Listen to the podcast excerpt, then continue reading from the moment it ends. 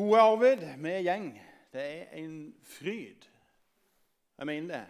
Det er en fryd å ha på besøk av dere. Jeg tror ikke alle er klar over hvilket nedslagsfelt du faktisk har, og hvilket eh, ja, renommé du har. Her i byen tror jeg ofte det blir ja, det er bare Arvid Pettersen. Men det, for, for, meg som har vokst opp på en annen plass, er det litt sånn wow. Jeg, jeg, jeg husker Første gang jeg var hjemme hos dere, så var det litt sånn Jeg er hjemme i stua til Arvid Pettersen. Det var litt sånn. Eh, så, eh, men så skal vi ikke si at vi er kjempenærme, men, men den, den rausheten du og Ragnhild viser, det er sånn som er hjertevarmt. altså. For det, det, sier noe om hva som bor i dere. Og eh, Det at dere kommer her og, og deler og, og sprer glede og er med og lovsynger på den måten som dere gjør, det er helt fantastisk. Nå skal jeg bare flytte litt på den. sånn. Jeg skal se om jeg kan få rigga meg bitte grann til her. Du, eh, Til alle dere andre Jeg gleder meg til å komme hjem i stua deres òg. Det hadde vært kjekt. Jeg har vært i mange av de stuene, men eh, det er alltid gøy å, å, være hjemme hos folk. Og det er alltid gøy å se dere, og det er alltid trivelig å komme sammen på denne måten her. Eh, jeg har lyst til å be en liten bønn før vi skal holde en tale. Jesus, jeg takker deg for det at du er her, og jeg takker deg for det at du er vært den første som kom her. Jeg takker deg for det at du er her og berører mennesker.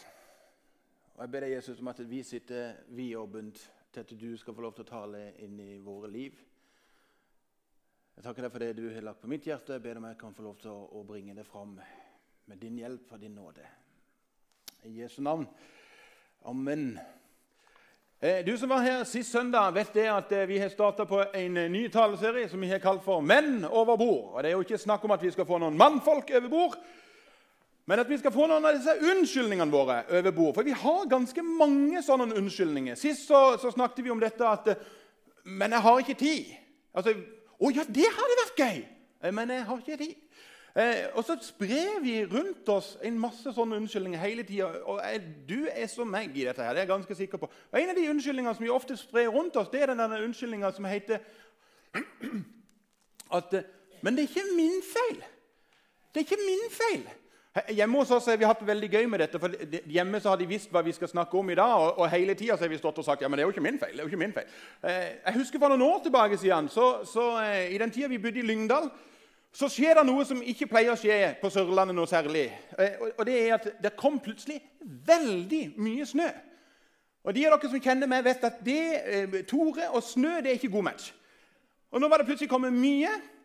Og I Lyngdal så hadde vi det akkurat sånn som vi har det her i Porsgrunn. Vi hadde en innkjørsel som var sånn at hvis du kjørte inn én bil, og det kom én bil tilbake, så var det ingen muligheter for å snu. Så der var det på en måte å få ut den bakerste bilen så du kunne få ut den innerste bilen. Og jeg var i den situasjonen at den innerste bilen den måtte ut. Det gjorde jo at jeg måtte flytte den bakerste bilen, men den var jo nedsnødd. Og som den makelige mannen jeg er, så, så kom jeg jo da opp med en genistrek. Jeg har jo kjørt ut av det tunet mange ganger, så jeg kan det jo ut og inn. Så jeg tenkte jeg trenger jo alvorlig talt ikke å måke bilen for å flytte den. Jeg kan jo bare kjøre den fem-ti meter bak. Det kan jeg gjøre i blinde. Og så kan jeg få ut den innerste bilen. Som tenkt og gjort, Jeg sjekker jo selvfølgelig, som den ansvarlige mannen jeg, så sjekker jeg jo selvfølgelig at det var ingen bil i gata, det var ingen dyr ute i gata, det var ingen barn eller for, ingenting. Klar sikt. Jeg åpner døra så forsiktig jeg kan for ikke å rase snø inn. og Så setter jeg meg inn, starter bilen, og jeg ser ikke noen ting. Det er bare sånn ut og kjøre i blinde. Ta test en gang. du ser ingenting. Sett den i revers, og så begynner jeg å rygge. Og det går jo helt elegant. vet du. Etter fem meter så hører jeg bare plutselig Og jeg tenkte bare What?! Det var jo ingenting der. Så jeg røsker jo opp døra, og til min store overraskelse så har plutselig naboen parkert midt i veien. For han har jo funnet ut at han skal jo òg måke sitt tun. Og Da kom jo selvfølgelig tanken opp Hvem i all verdens skyld er dette her? Og jeg var jo veldig klar på det. Det var jo alvorlig Det var jo ikke min feil. Jeg mener, Hvilken dust av en nabo som parkerer midt i veien? Altså, det, det, kan jo umulig være min feil. av dette her. Og så tenkte jeg litt etterpå, ok, Hvis naboen har rett til å stå der, så det er fortsatt ikke min feil. For er, da er det faktisk kona mi sin feil. Jeg mener, Hun kunne jo vært såpass elskverdig at hun, hun vet jo hva jeg tenker om snø, så hun kunne jo vært ute og måka den bilen for meg. Altså, det, Såpass elskverdig kunne hun vært. Og etter å ha tenkt litt på det, så har jeg funnet ut at egentlig så er det svigerfar og svigermor sin feil. Ja, det er jo det. Helt seriøst, folkens, det er jo det. Altså, Hadde de oppdratt den dama til å bli litt bedre til å stelle enn det hun er Hun er jo kjempeflink, men hun kunne jo vært enda flinkere. Med Hvem sin feil var det? Det var min. Det var min feil. 100 min feil. Eh, men eh, det som det rare det er at etter den episoden så har jeg lært meg noen ting. Og det er at hvis jeg tar ansvar for egne feil denne, Jeg måtte ta ansvar for den feilen jeg gjorde. Og det har faktisk gjort meg til en bedre sjåfør. Jeg har aldri etterpå kjørt i blinde. Nå feier jeg bilen, så hadde det ikke snøfnugg på den. Fordi jeg lærte at hvis jeg tar ansvar for noe, så kommer det noe bedre ut av det. Istedenfor å stadig vekk komme med noen unnskyldning. Og Så har jeg spurt meg sjøl hva er det som gjør at vi stadig vekk skylder på andre. Hvorfor tar vi ikke på en måte ansvar for det? Jeg tror jeg faktisk har funnet svaret. Jeg tror faktisk jeg vet hvorfor vi driver på med denne her beskyldningsbransjen. Og det er, Hvis du har med deg Bibelen, så, så kan du ta og slå opp i den første boka i Bibelen. Første Mosebok. Vi satt og snakka om dette her på kontoret, og da kom denne historien veldig fort opp. Hvem driver med beskyldninger i Bibelen? Og Da kom denne historien veldig fort opp. og Vi skal lese fra første Mosebok, kapittel 3. Og Hvis du har gått på, på eh, søndagsskolen, så har du hørt om Adam og Eva. Jeg vet at det er enkelte som mener på at Adam og Eva aldri har eksistert. Altså Det er bare en myte, det er bare en historie. Som, eh, personlig så tror jeg faktisk at de har eksistert. Og Det er to grunner for at jeg gjør det. Det ene er at jeg tror på Guds ord. Og det andre er at Jesus trodde på dem. Altså Han nevner de minst to ganger så nevner han Adam og Eva som reelle personer. Og jeg tenker, ok, Hvis han så på de som reelle personer, så velger jeg òg å gjøre det. Og så hva du gjør, det er ett fett for meg.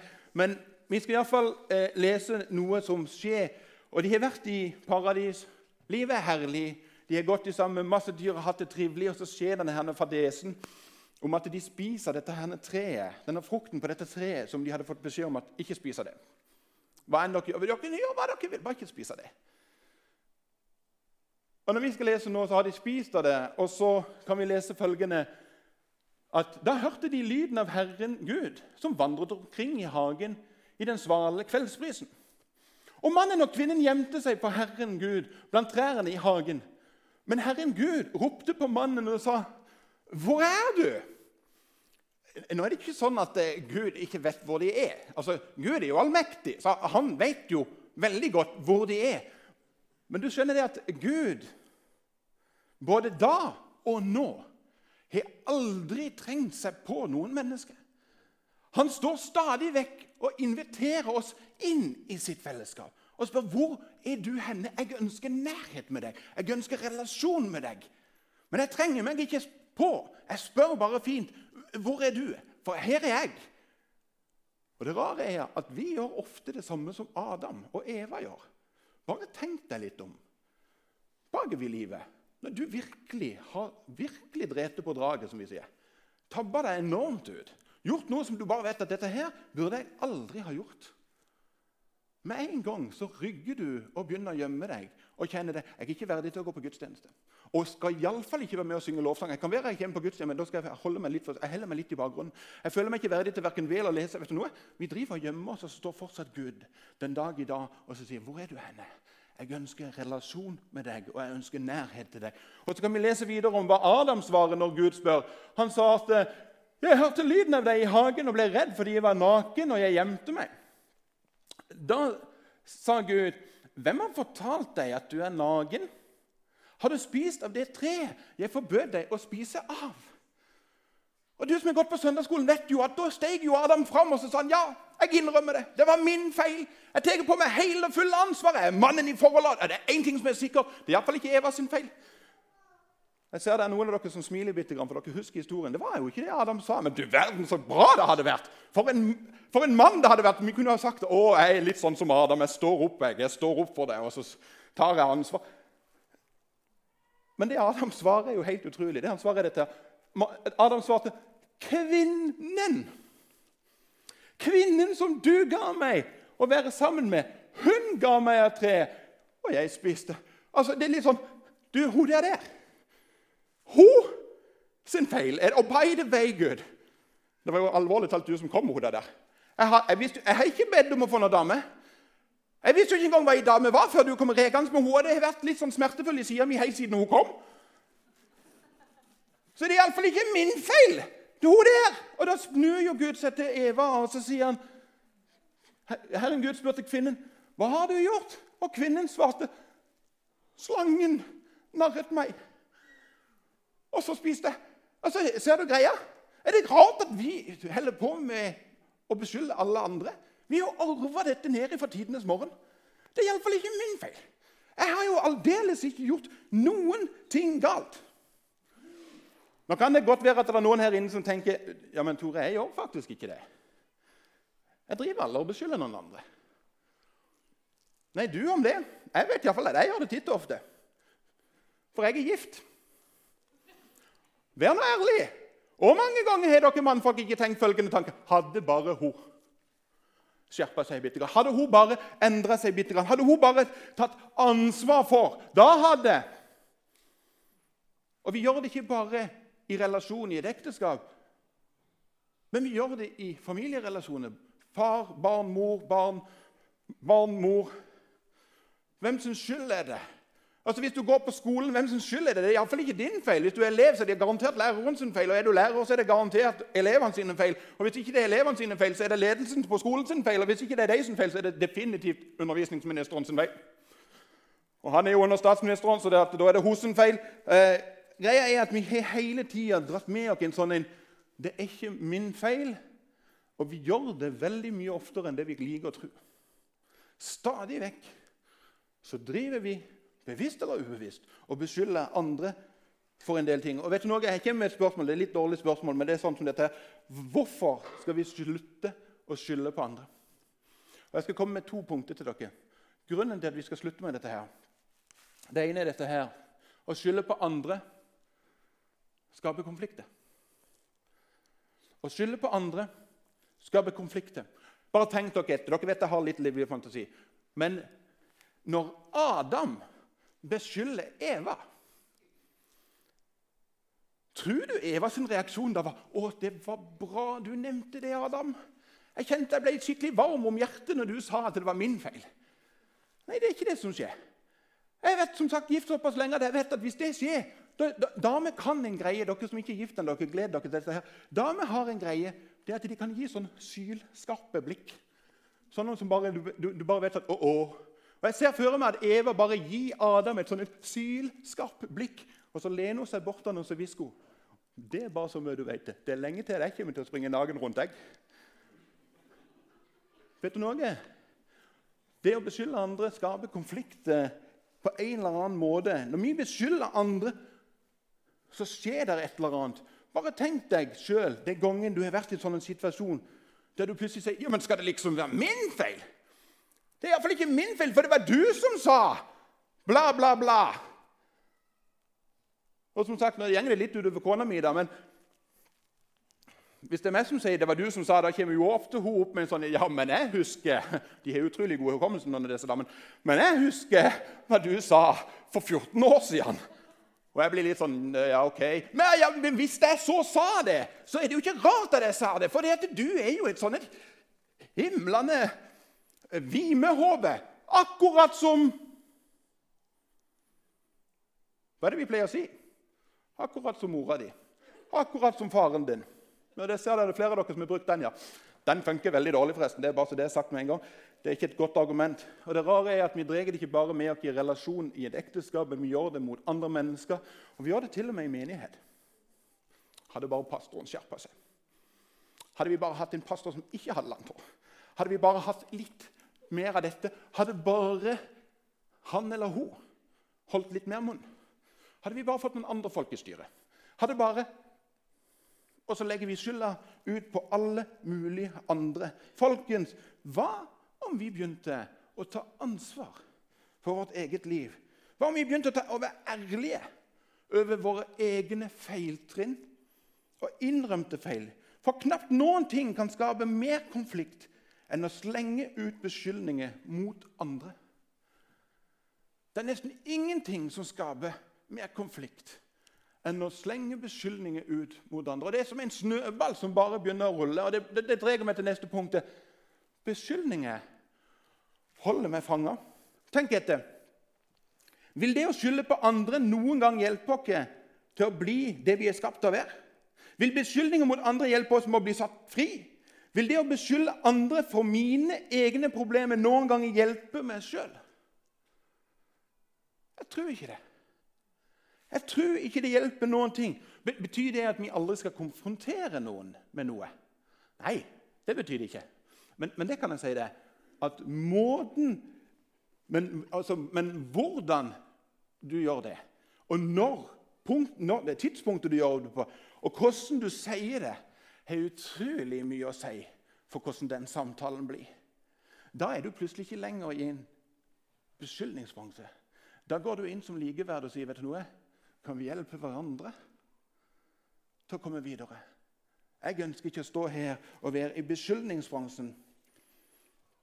Jeg vet iallfall det at av alle de feilene jeg har gjort i mitt liv, og det er det ganske mange av, de må jeg stå til ansvar for. Og Når jeg tar ansvar for eget liv, da skjer det noe. Det vil, det vil si at hver gang jeg merker at nå er det et eller annet konfliktsopplegg som er på gang, så stiller jeg meg følgende spørsmål. Hva er mitt ansvar midt oppi dette? Hva er mitt ansvar? Jeg skal prøve å vise det. Jeg knabba denne fra en, en pastorkollega. La oss si denne sirkelen her representerer all skyld som på en måte er i en konfliktstoff. Altså Der har du med som samla alt. Hvis det gjelder du og et annet menneske, her er summen av det. Alt i hop er samla i én sirkel. Og La oss nå tenke at din andel av skyld i dette her er den ene fjerdedelen. Vet jeg jo det at eh, Her i Porsgrunn er jo folk veldig snille, så det er sannsynligvis bare en sånn liten fis som er ditt ansvar. Men la oss nå tenke at det er en fjerdedel av den kaka. Det er ditt ansvar. Og det som er utrolig, det er at når jeg viser den der, der, der saken der, så er det mange som begynner å tenke ja, ser du, jeg har veldig lite ansvar for dette. Det er alt det andre der. Alt det der, det er det store der. Det er det noen andre som, det er deres problem. Veldig ofte så dunker kona mannen i sida akkurat nå. Ikke gjør det. For greia er at det er ikke alt det andre som er fokuset. Spørsmålet er hva kan du gjøre med din del? Ja, men Tor, ser du ikke? Den andre har jo et mye mer ansvar. Nei, vet du noe? ditt ansvar er denne delen her. Ditt ansvar. Hva kan du ta tak i som er din del i dette? Ikke tenk de andre burde de andre. Nei, vet du noe? nå holder vi oss til hva er det som er din greie. Hva er det du kan gjøre med ditt sak midt oppi dette her? For sannheten er den at om jeg velger å ta tak i mine utfordringer og mine egne feiltrinn, da vil mesteparten hør hva jeg sier, da vil mesteparten av mine konflikter og utfordringer med andre mennesker forsvinne. Hvis du tar ansvar for dine ting, så skjer det et eller annet. Jesus har faktisk tatt dette opp en gang. Han, han sier det på en sånn måte som dette her. Hvorfor ser du felisen i din brors øye, mens bjelken Bjelken den har du ikke mulighet for meg å se. Hvorfor ser du flisen i din brors øye, men bjelken i ditt eget øye legger du ikke merke til? Hvordan kan du si til din bror 'Bror, la meg ta flisen ut av øyet ditt', når du ikke ser bjelken i ditt eget øye? Din hykler, ta først bjelken ut av ditt eget øye. Da vil du se klart nok til å ta flisen ut av øyet til din bror. Og vet du noe? Dette gjelder den motsatte veien òg. Alle her inne har sannsynligvis et eller annet tidspunkt hatt en flis i øyet. Og det, Når du har en flis i øyet, så går du rundt og blunker hele tida. Du får med som ikke gjort noen for det er noe som irriterer deg. Men det rare er at vi tror hele tida at hvis jeg bare kan fikse de andre vet du, folkens, Ditt ansvar. Ta ansvar for ditt, og ikke skyld på de som er rundt deg, for at du er der du er akkurat nå. Vet du noe? I dette her så ligger det en utrolig stor hemmelighet. For greia er det at Hvis vi tar dette inn over oss, hvis vi tar dette inn noe, og tar ansvar for vår andel, for det som er våre feiltrinn, og ikke skylder på andre, så vil våre ekteskap bli utrolig mye bedre. Du vil få et bedre forhold til dine barn eller dine foreldre eller dine kolleger, dine venner. Det vil faktisk være med på å gjøre at du kan ta kontroll over ditt sinne eller dine uvaner. Det vil faktisk gjøre at du til og med kan bli en bedre elev, for du tar ansvar for ditt ansvar istedenfor å beskylde eh, læreren. På din arbeidsplass du blir en bedre arbeidstaker istedenfor alltid å beskylde din arbeidsgiver. Spør deg sjøl hvilken del av sirkelen er ditt ansvar. Og hva har du tenkt å gjøre med det? Hva har du tenkt å gjøre med det? Eller har du tenkt å fortsette å beskylde de som er rundt deg? Jeg vet at dette er ikke lett. Det å slutte å beskylde med beskyldninger det er ikke lett.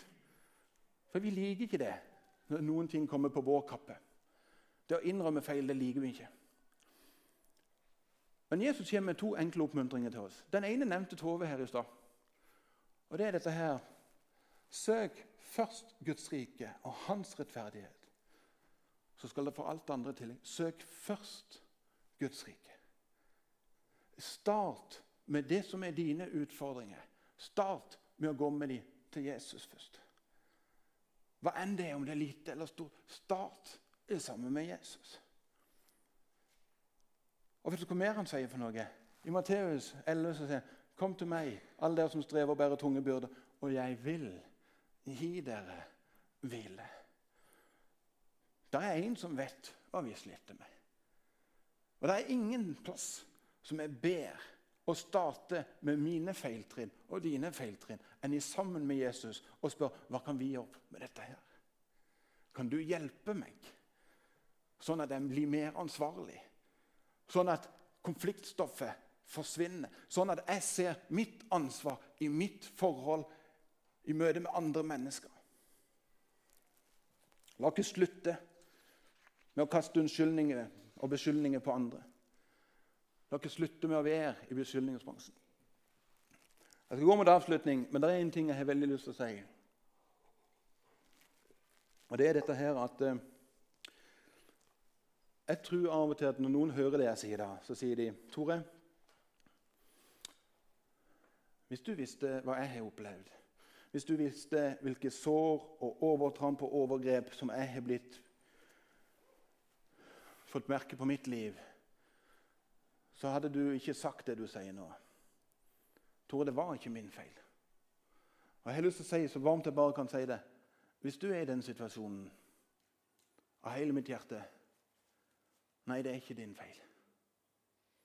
Hvis noen har trampa inn i ditt liv For det skjer det hender av at mennesker tramper inn i våre liv med overtramp, mobbing, overgrep.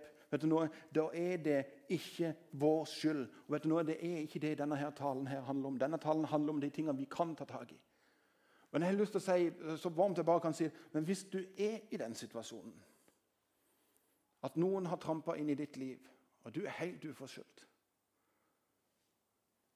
Så jeg har lyst til å si følgende Søk hjelp. Det er mennesker som ønsker å hjelpe deg. Ikke bli værende der du er. Ikke la det som noen har påført deg, bli din identitet. For du er ikke skapt til å ha en identitet som handler om å være trampa på. Men du er skapt for å ha din identitet i Jesus Kristus. Og Er det noe han ønsker, så er det å hjelpe deg ut av det fangenskapet som du har blitt påført. Jeg har truffet mange mennesker som har gjort akkurat det. De har på en måte satt i strek og sagt vet du noe, dette er fortid. Jeg vil ikke ha mer med det å gjøre. Og med Guds hjelp så har de reist seg og blitt noen nye, fantastiske mennesker. En av de personene snakket jeg med på telefonen i uka som var. Og Det er kona til Arvid, Ragnhild. Noen av dere kjenner Ragnhild. Noen av dere har lest historien til Ragnhild. Men Ragnhild ble mobba på det groveste. Og Ragnhild hadde hatt all rett til å ha vært i beskyldningsbransjen og sagt vet du noe? Dette er ikke min feil, det er de som feiler. Hun hadde hatt all rett til å bli værende der.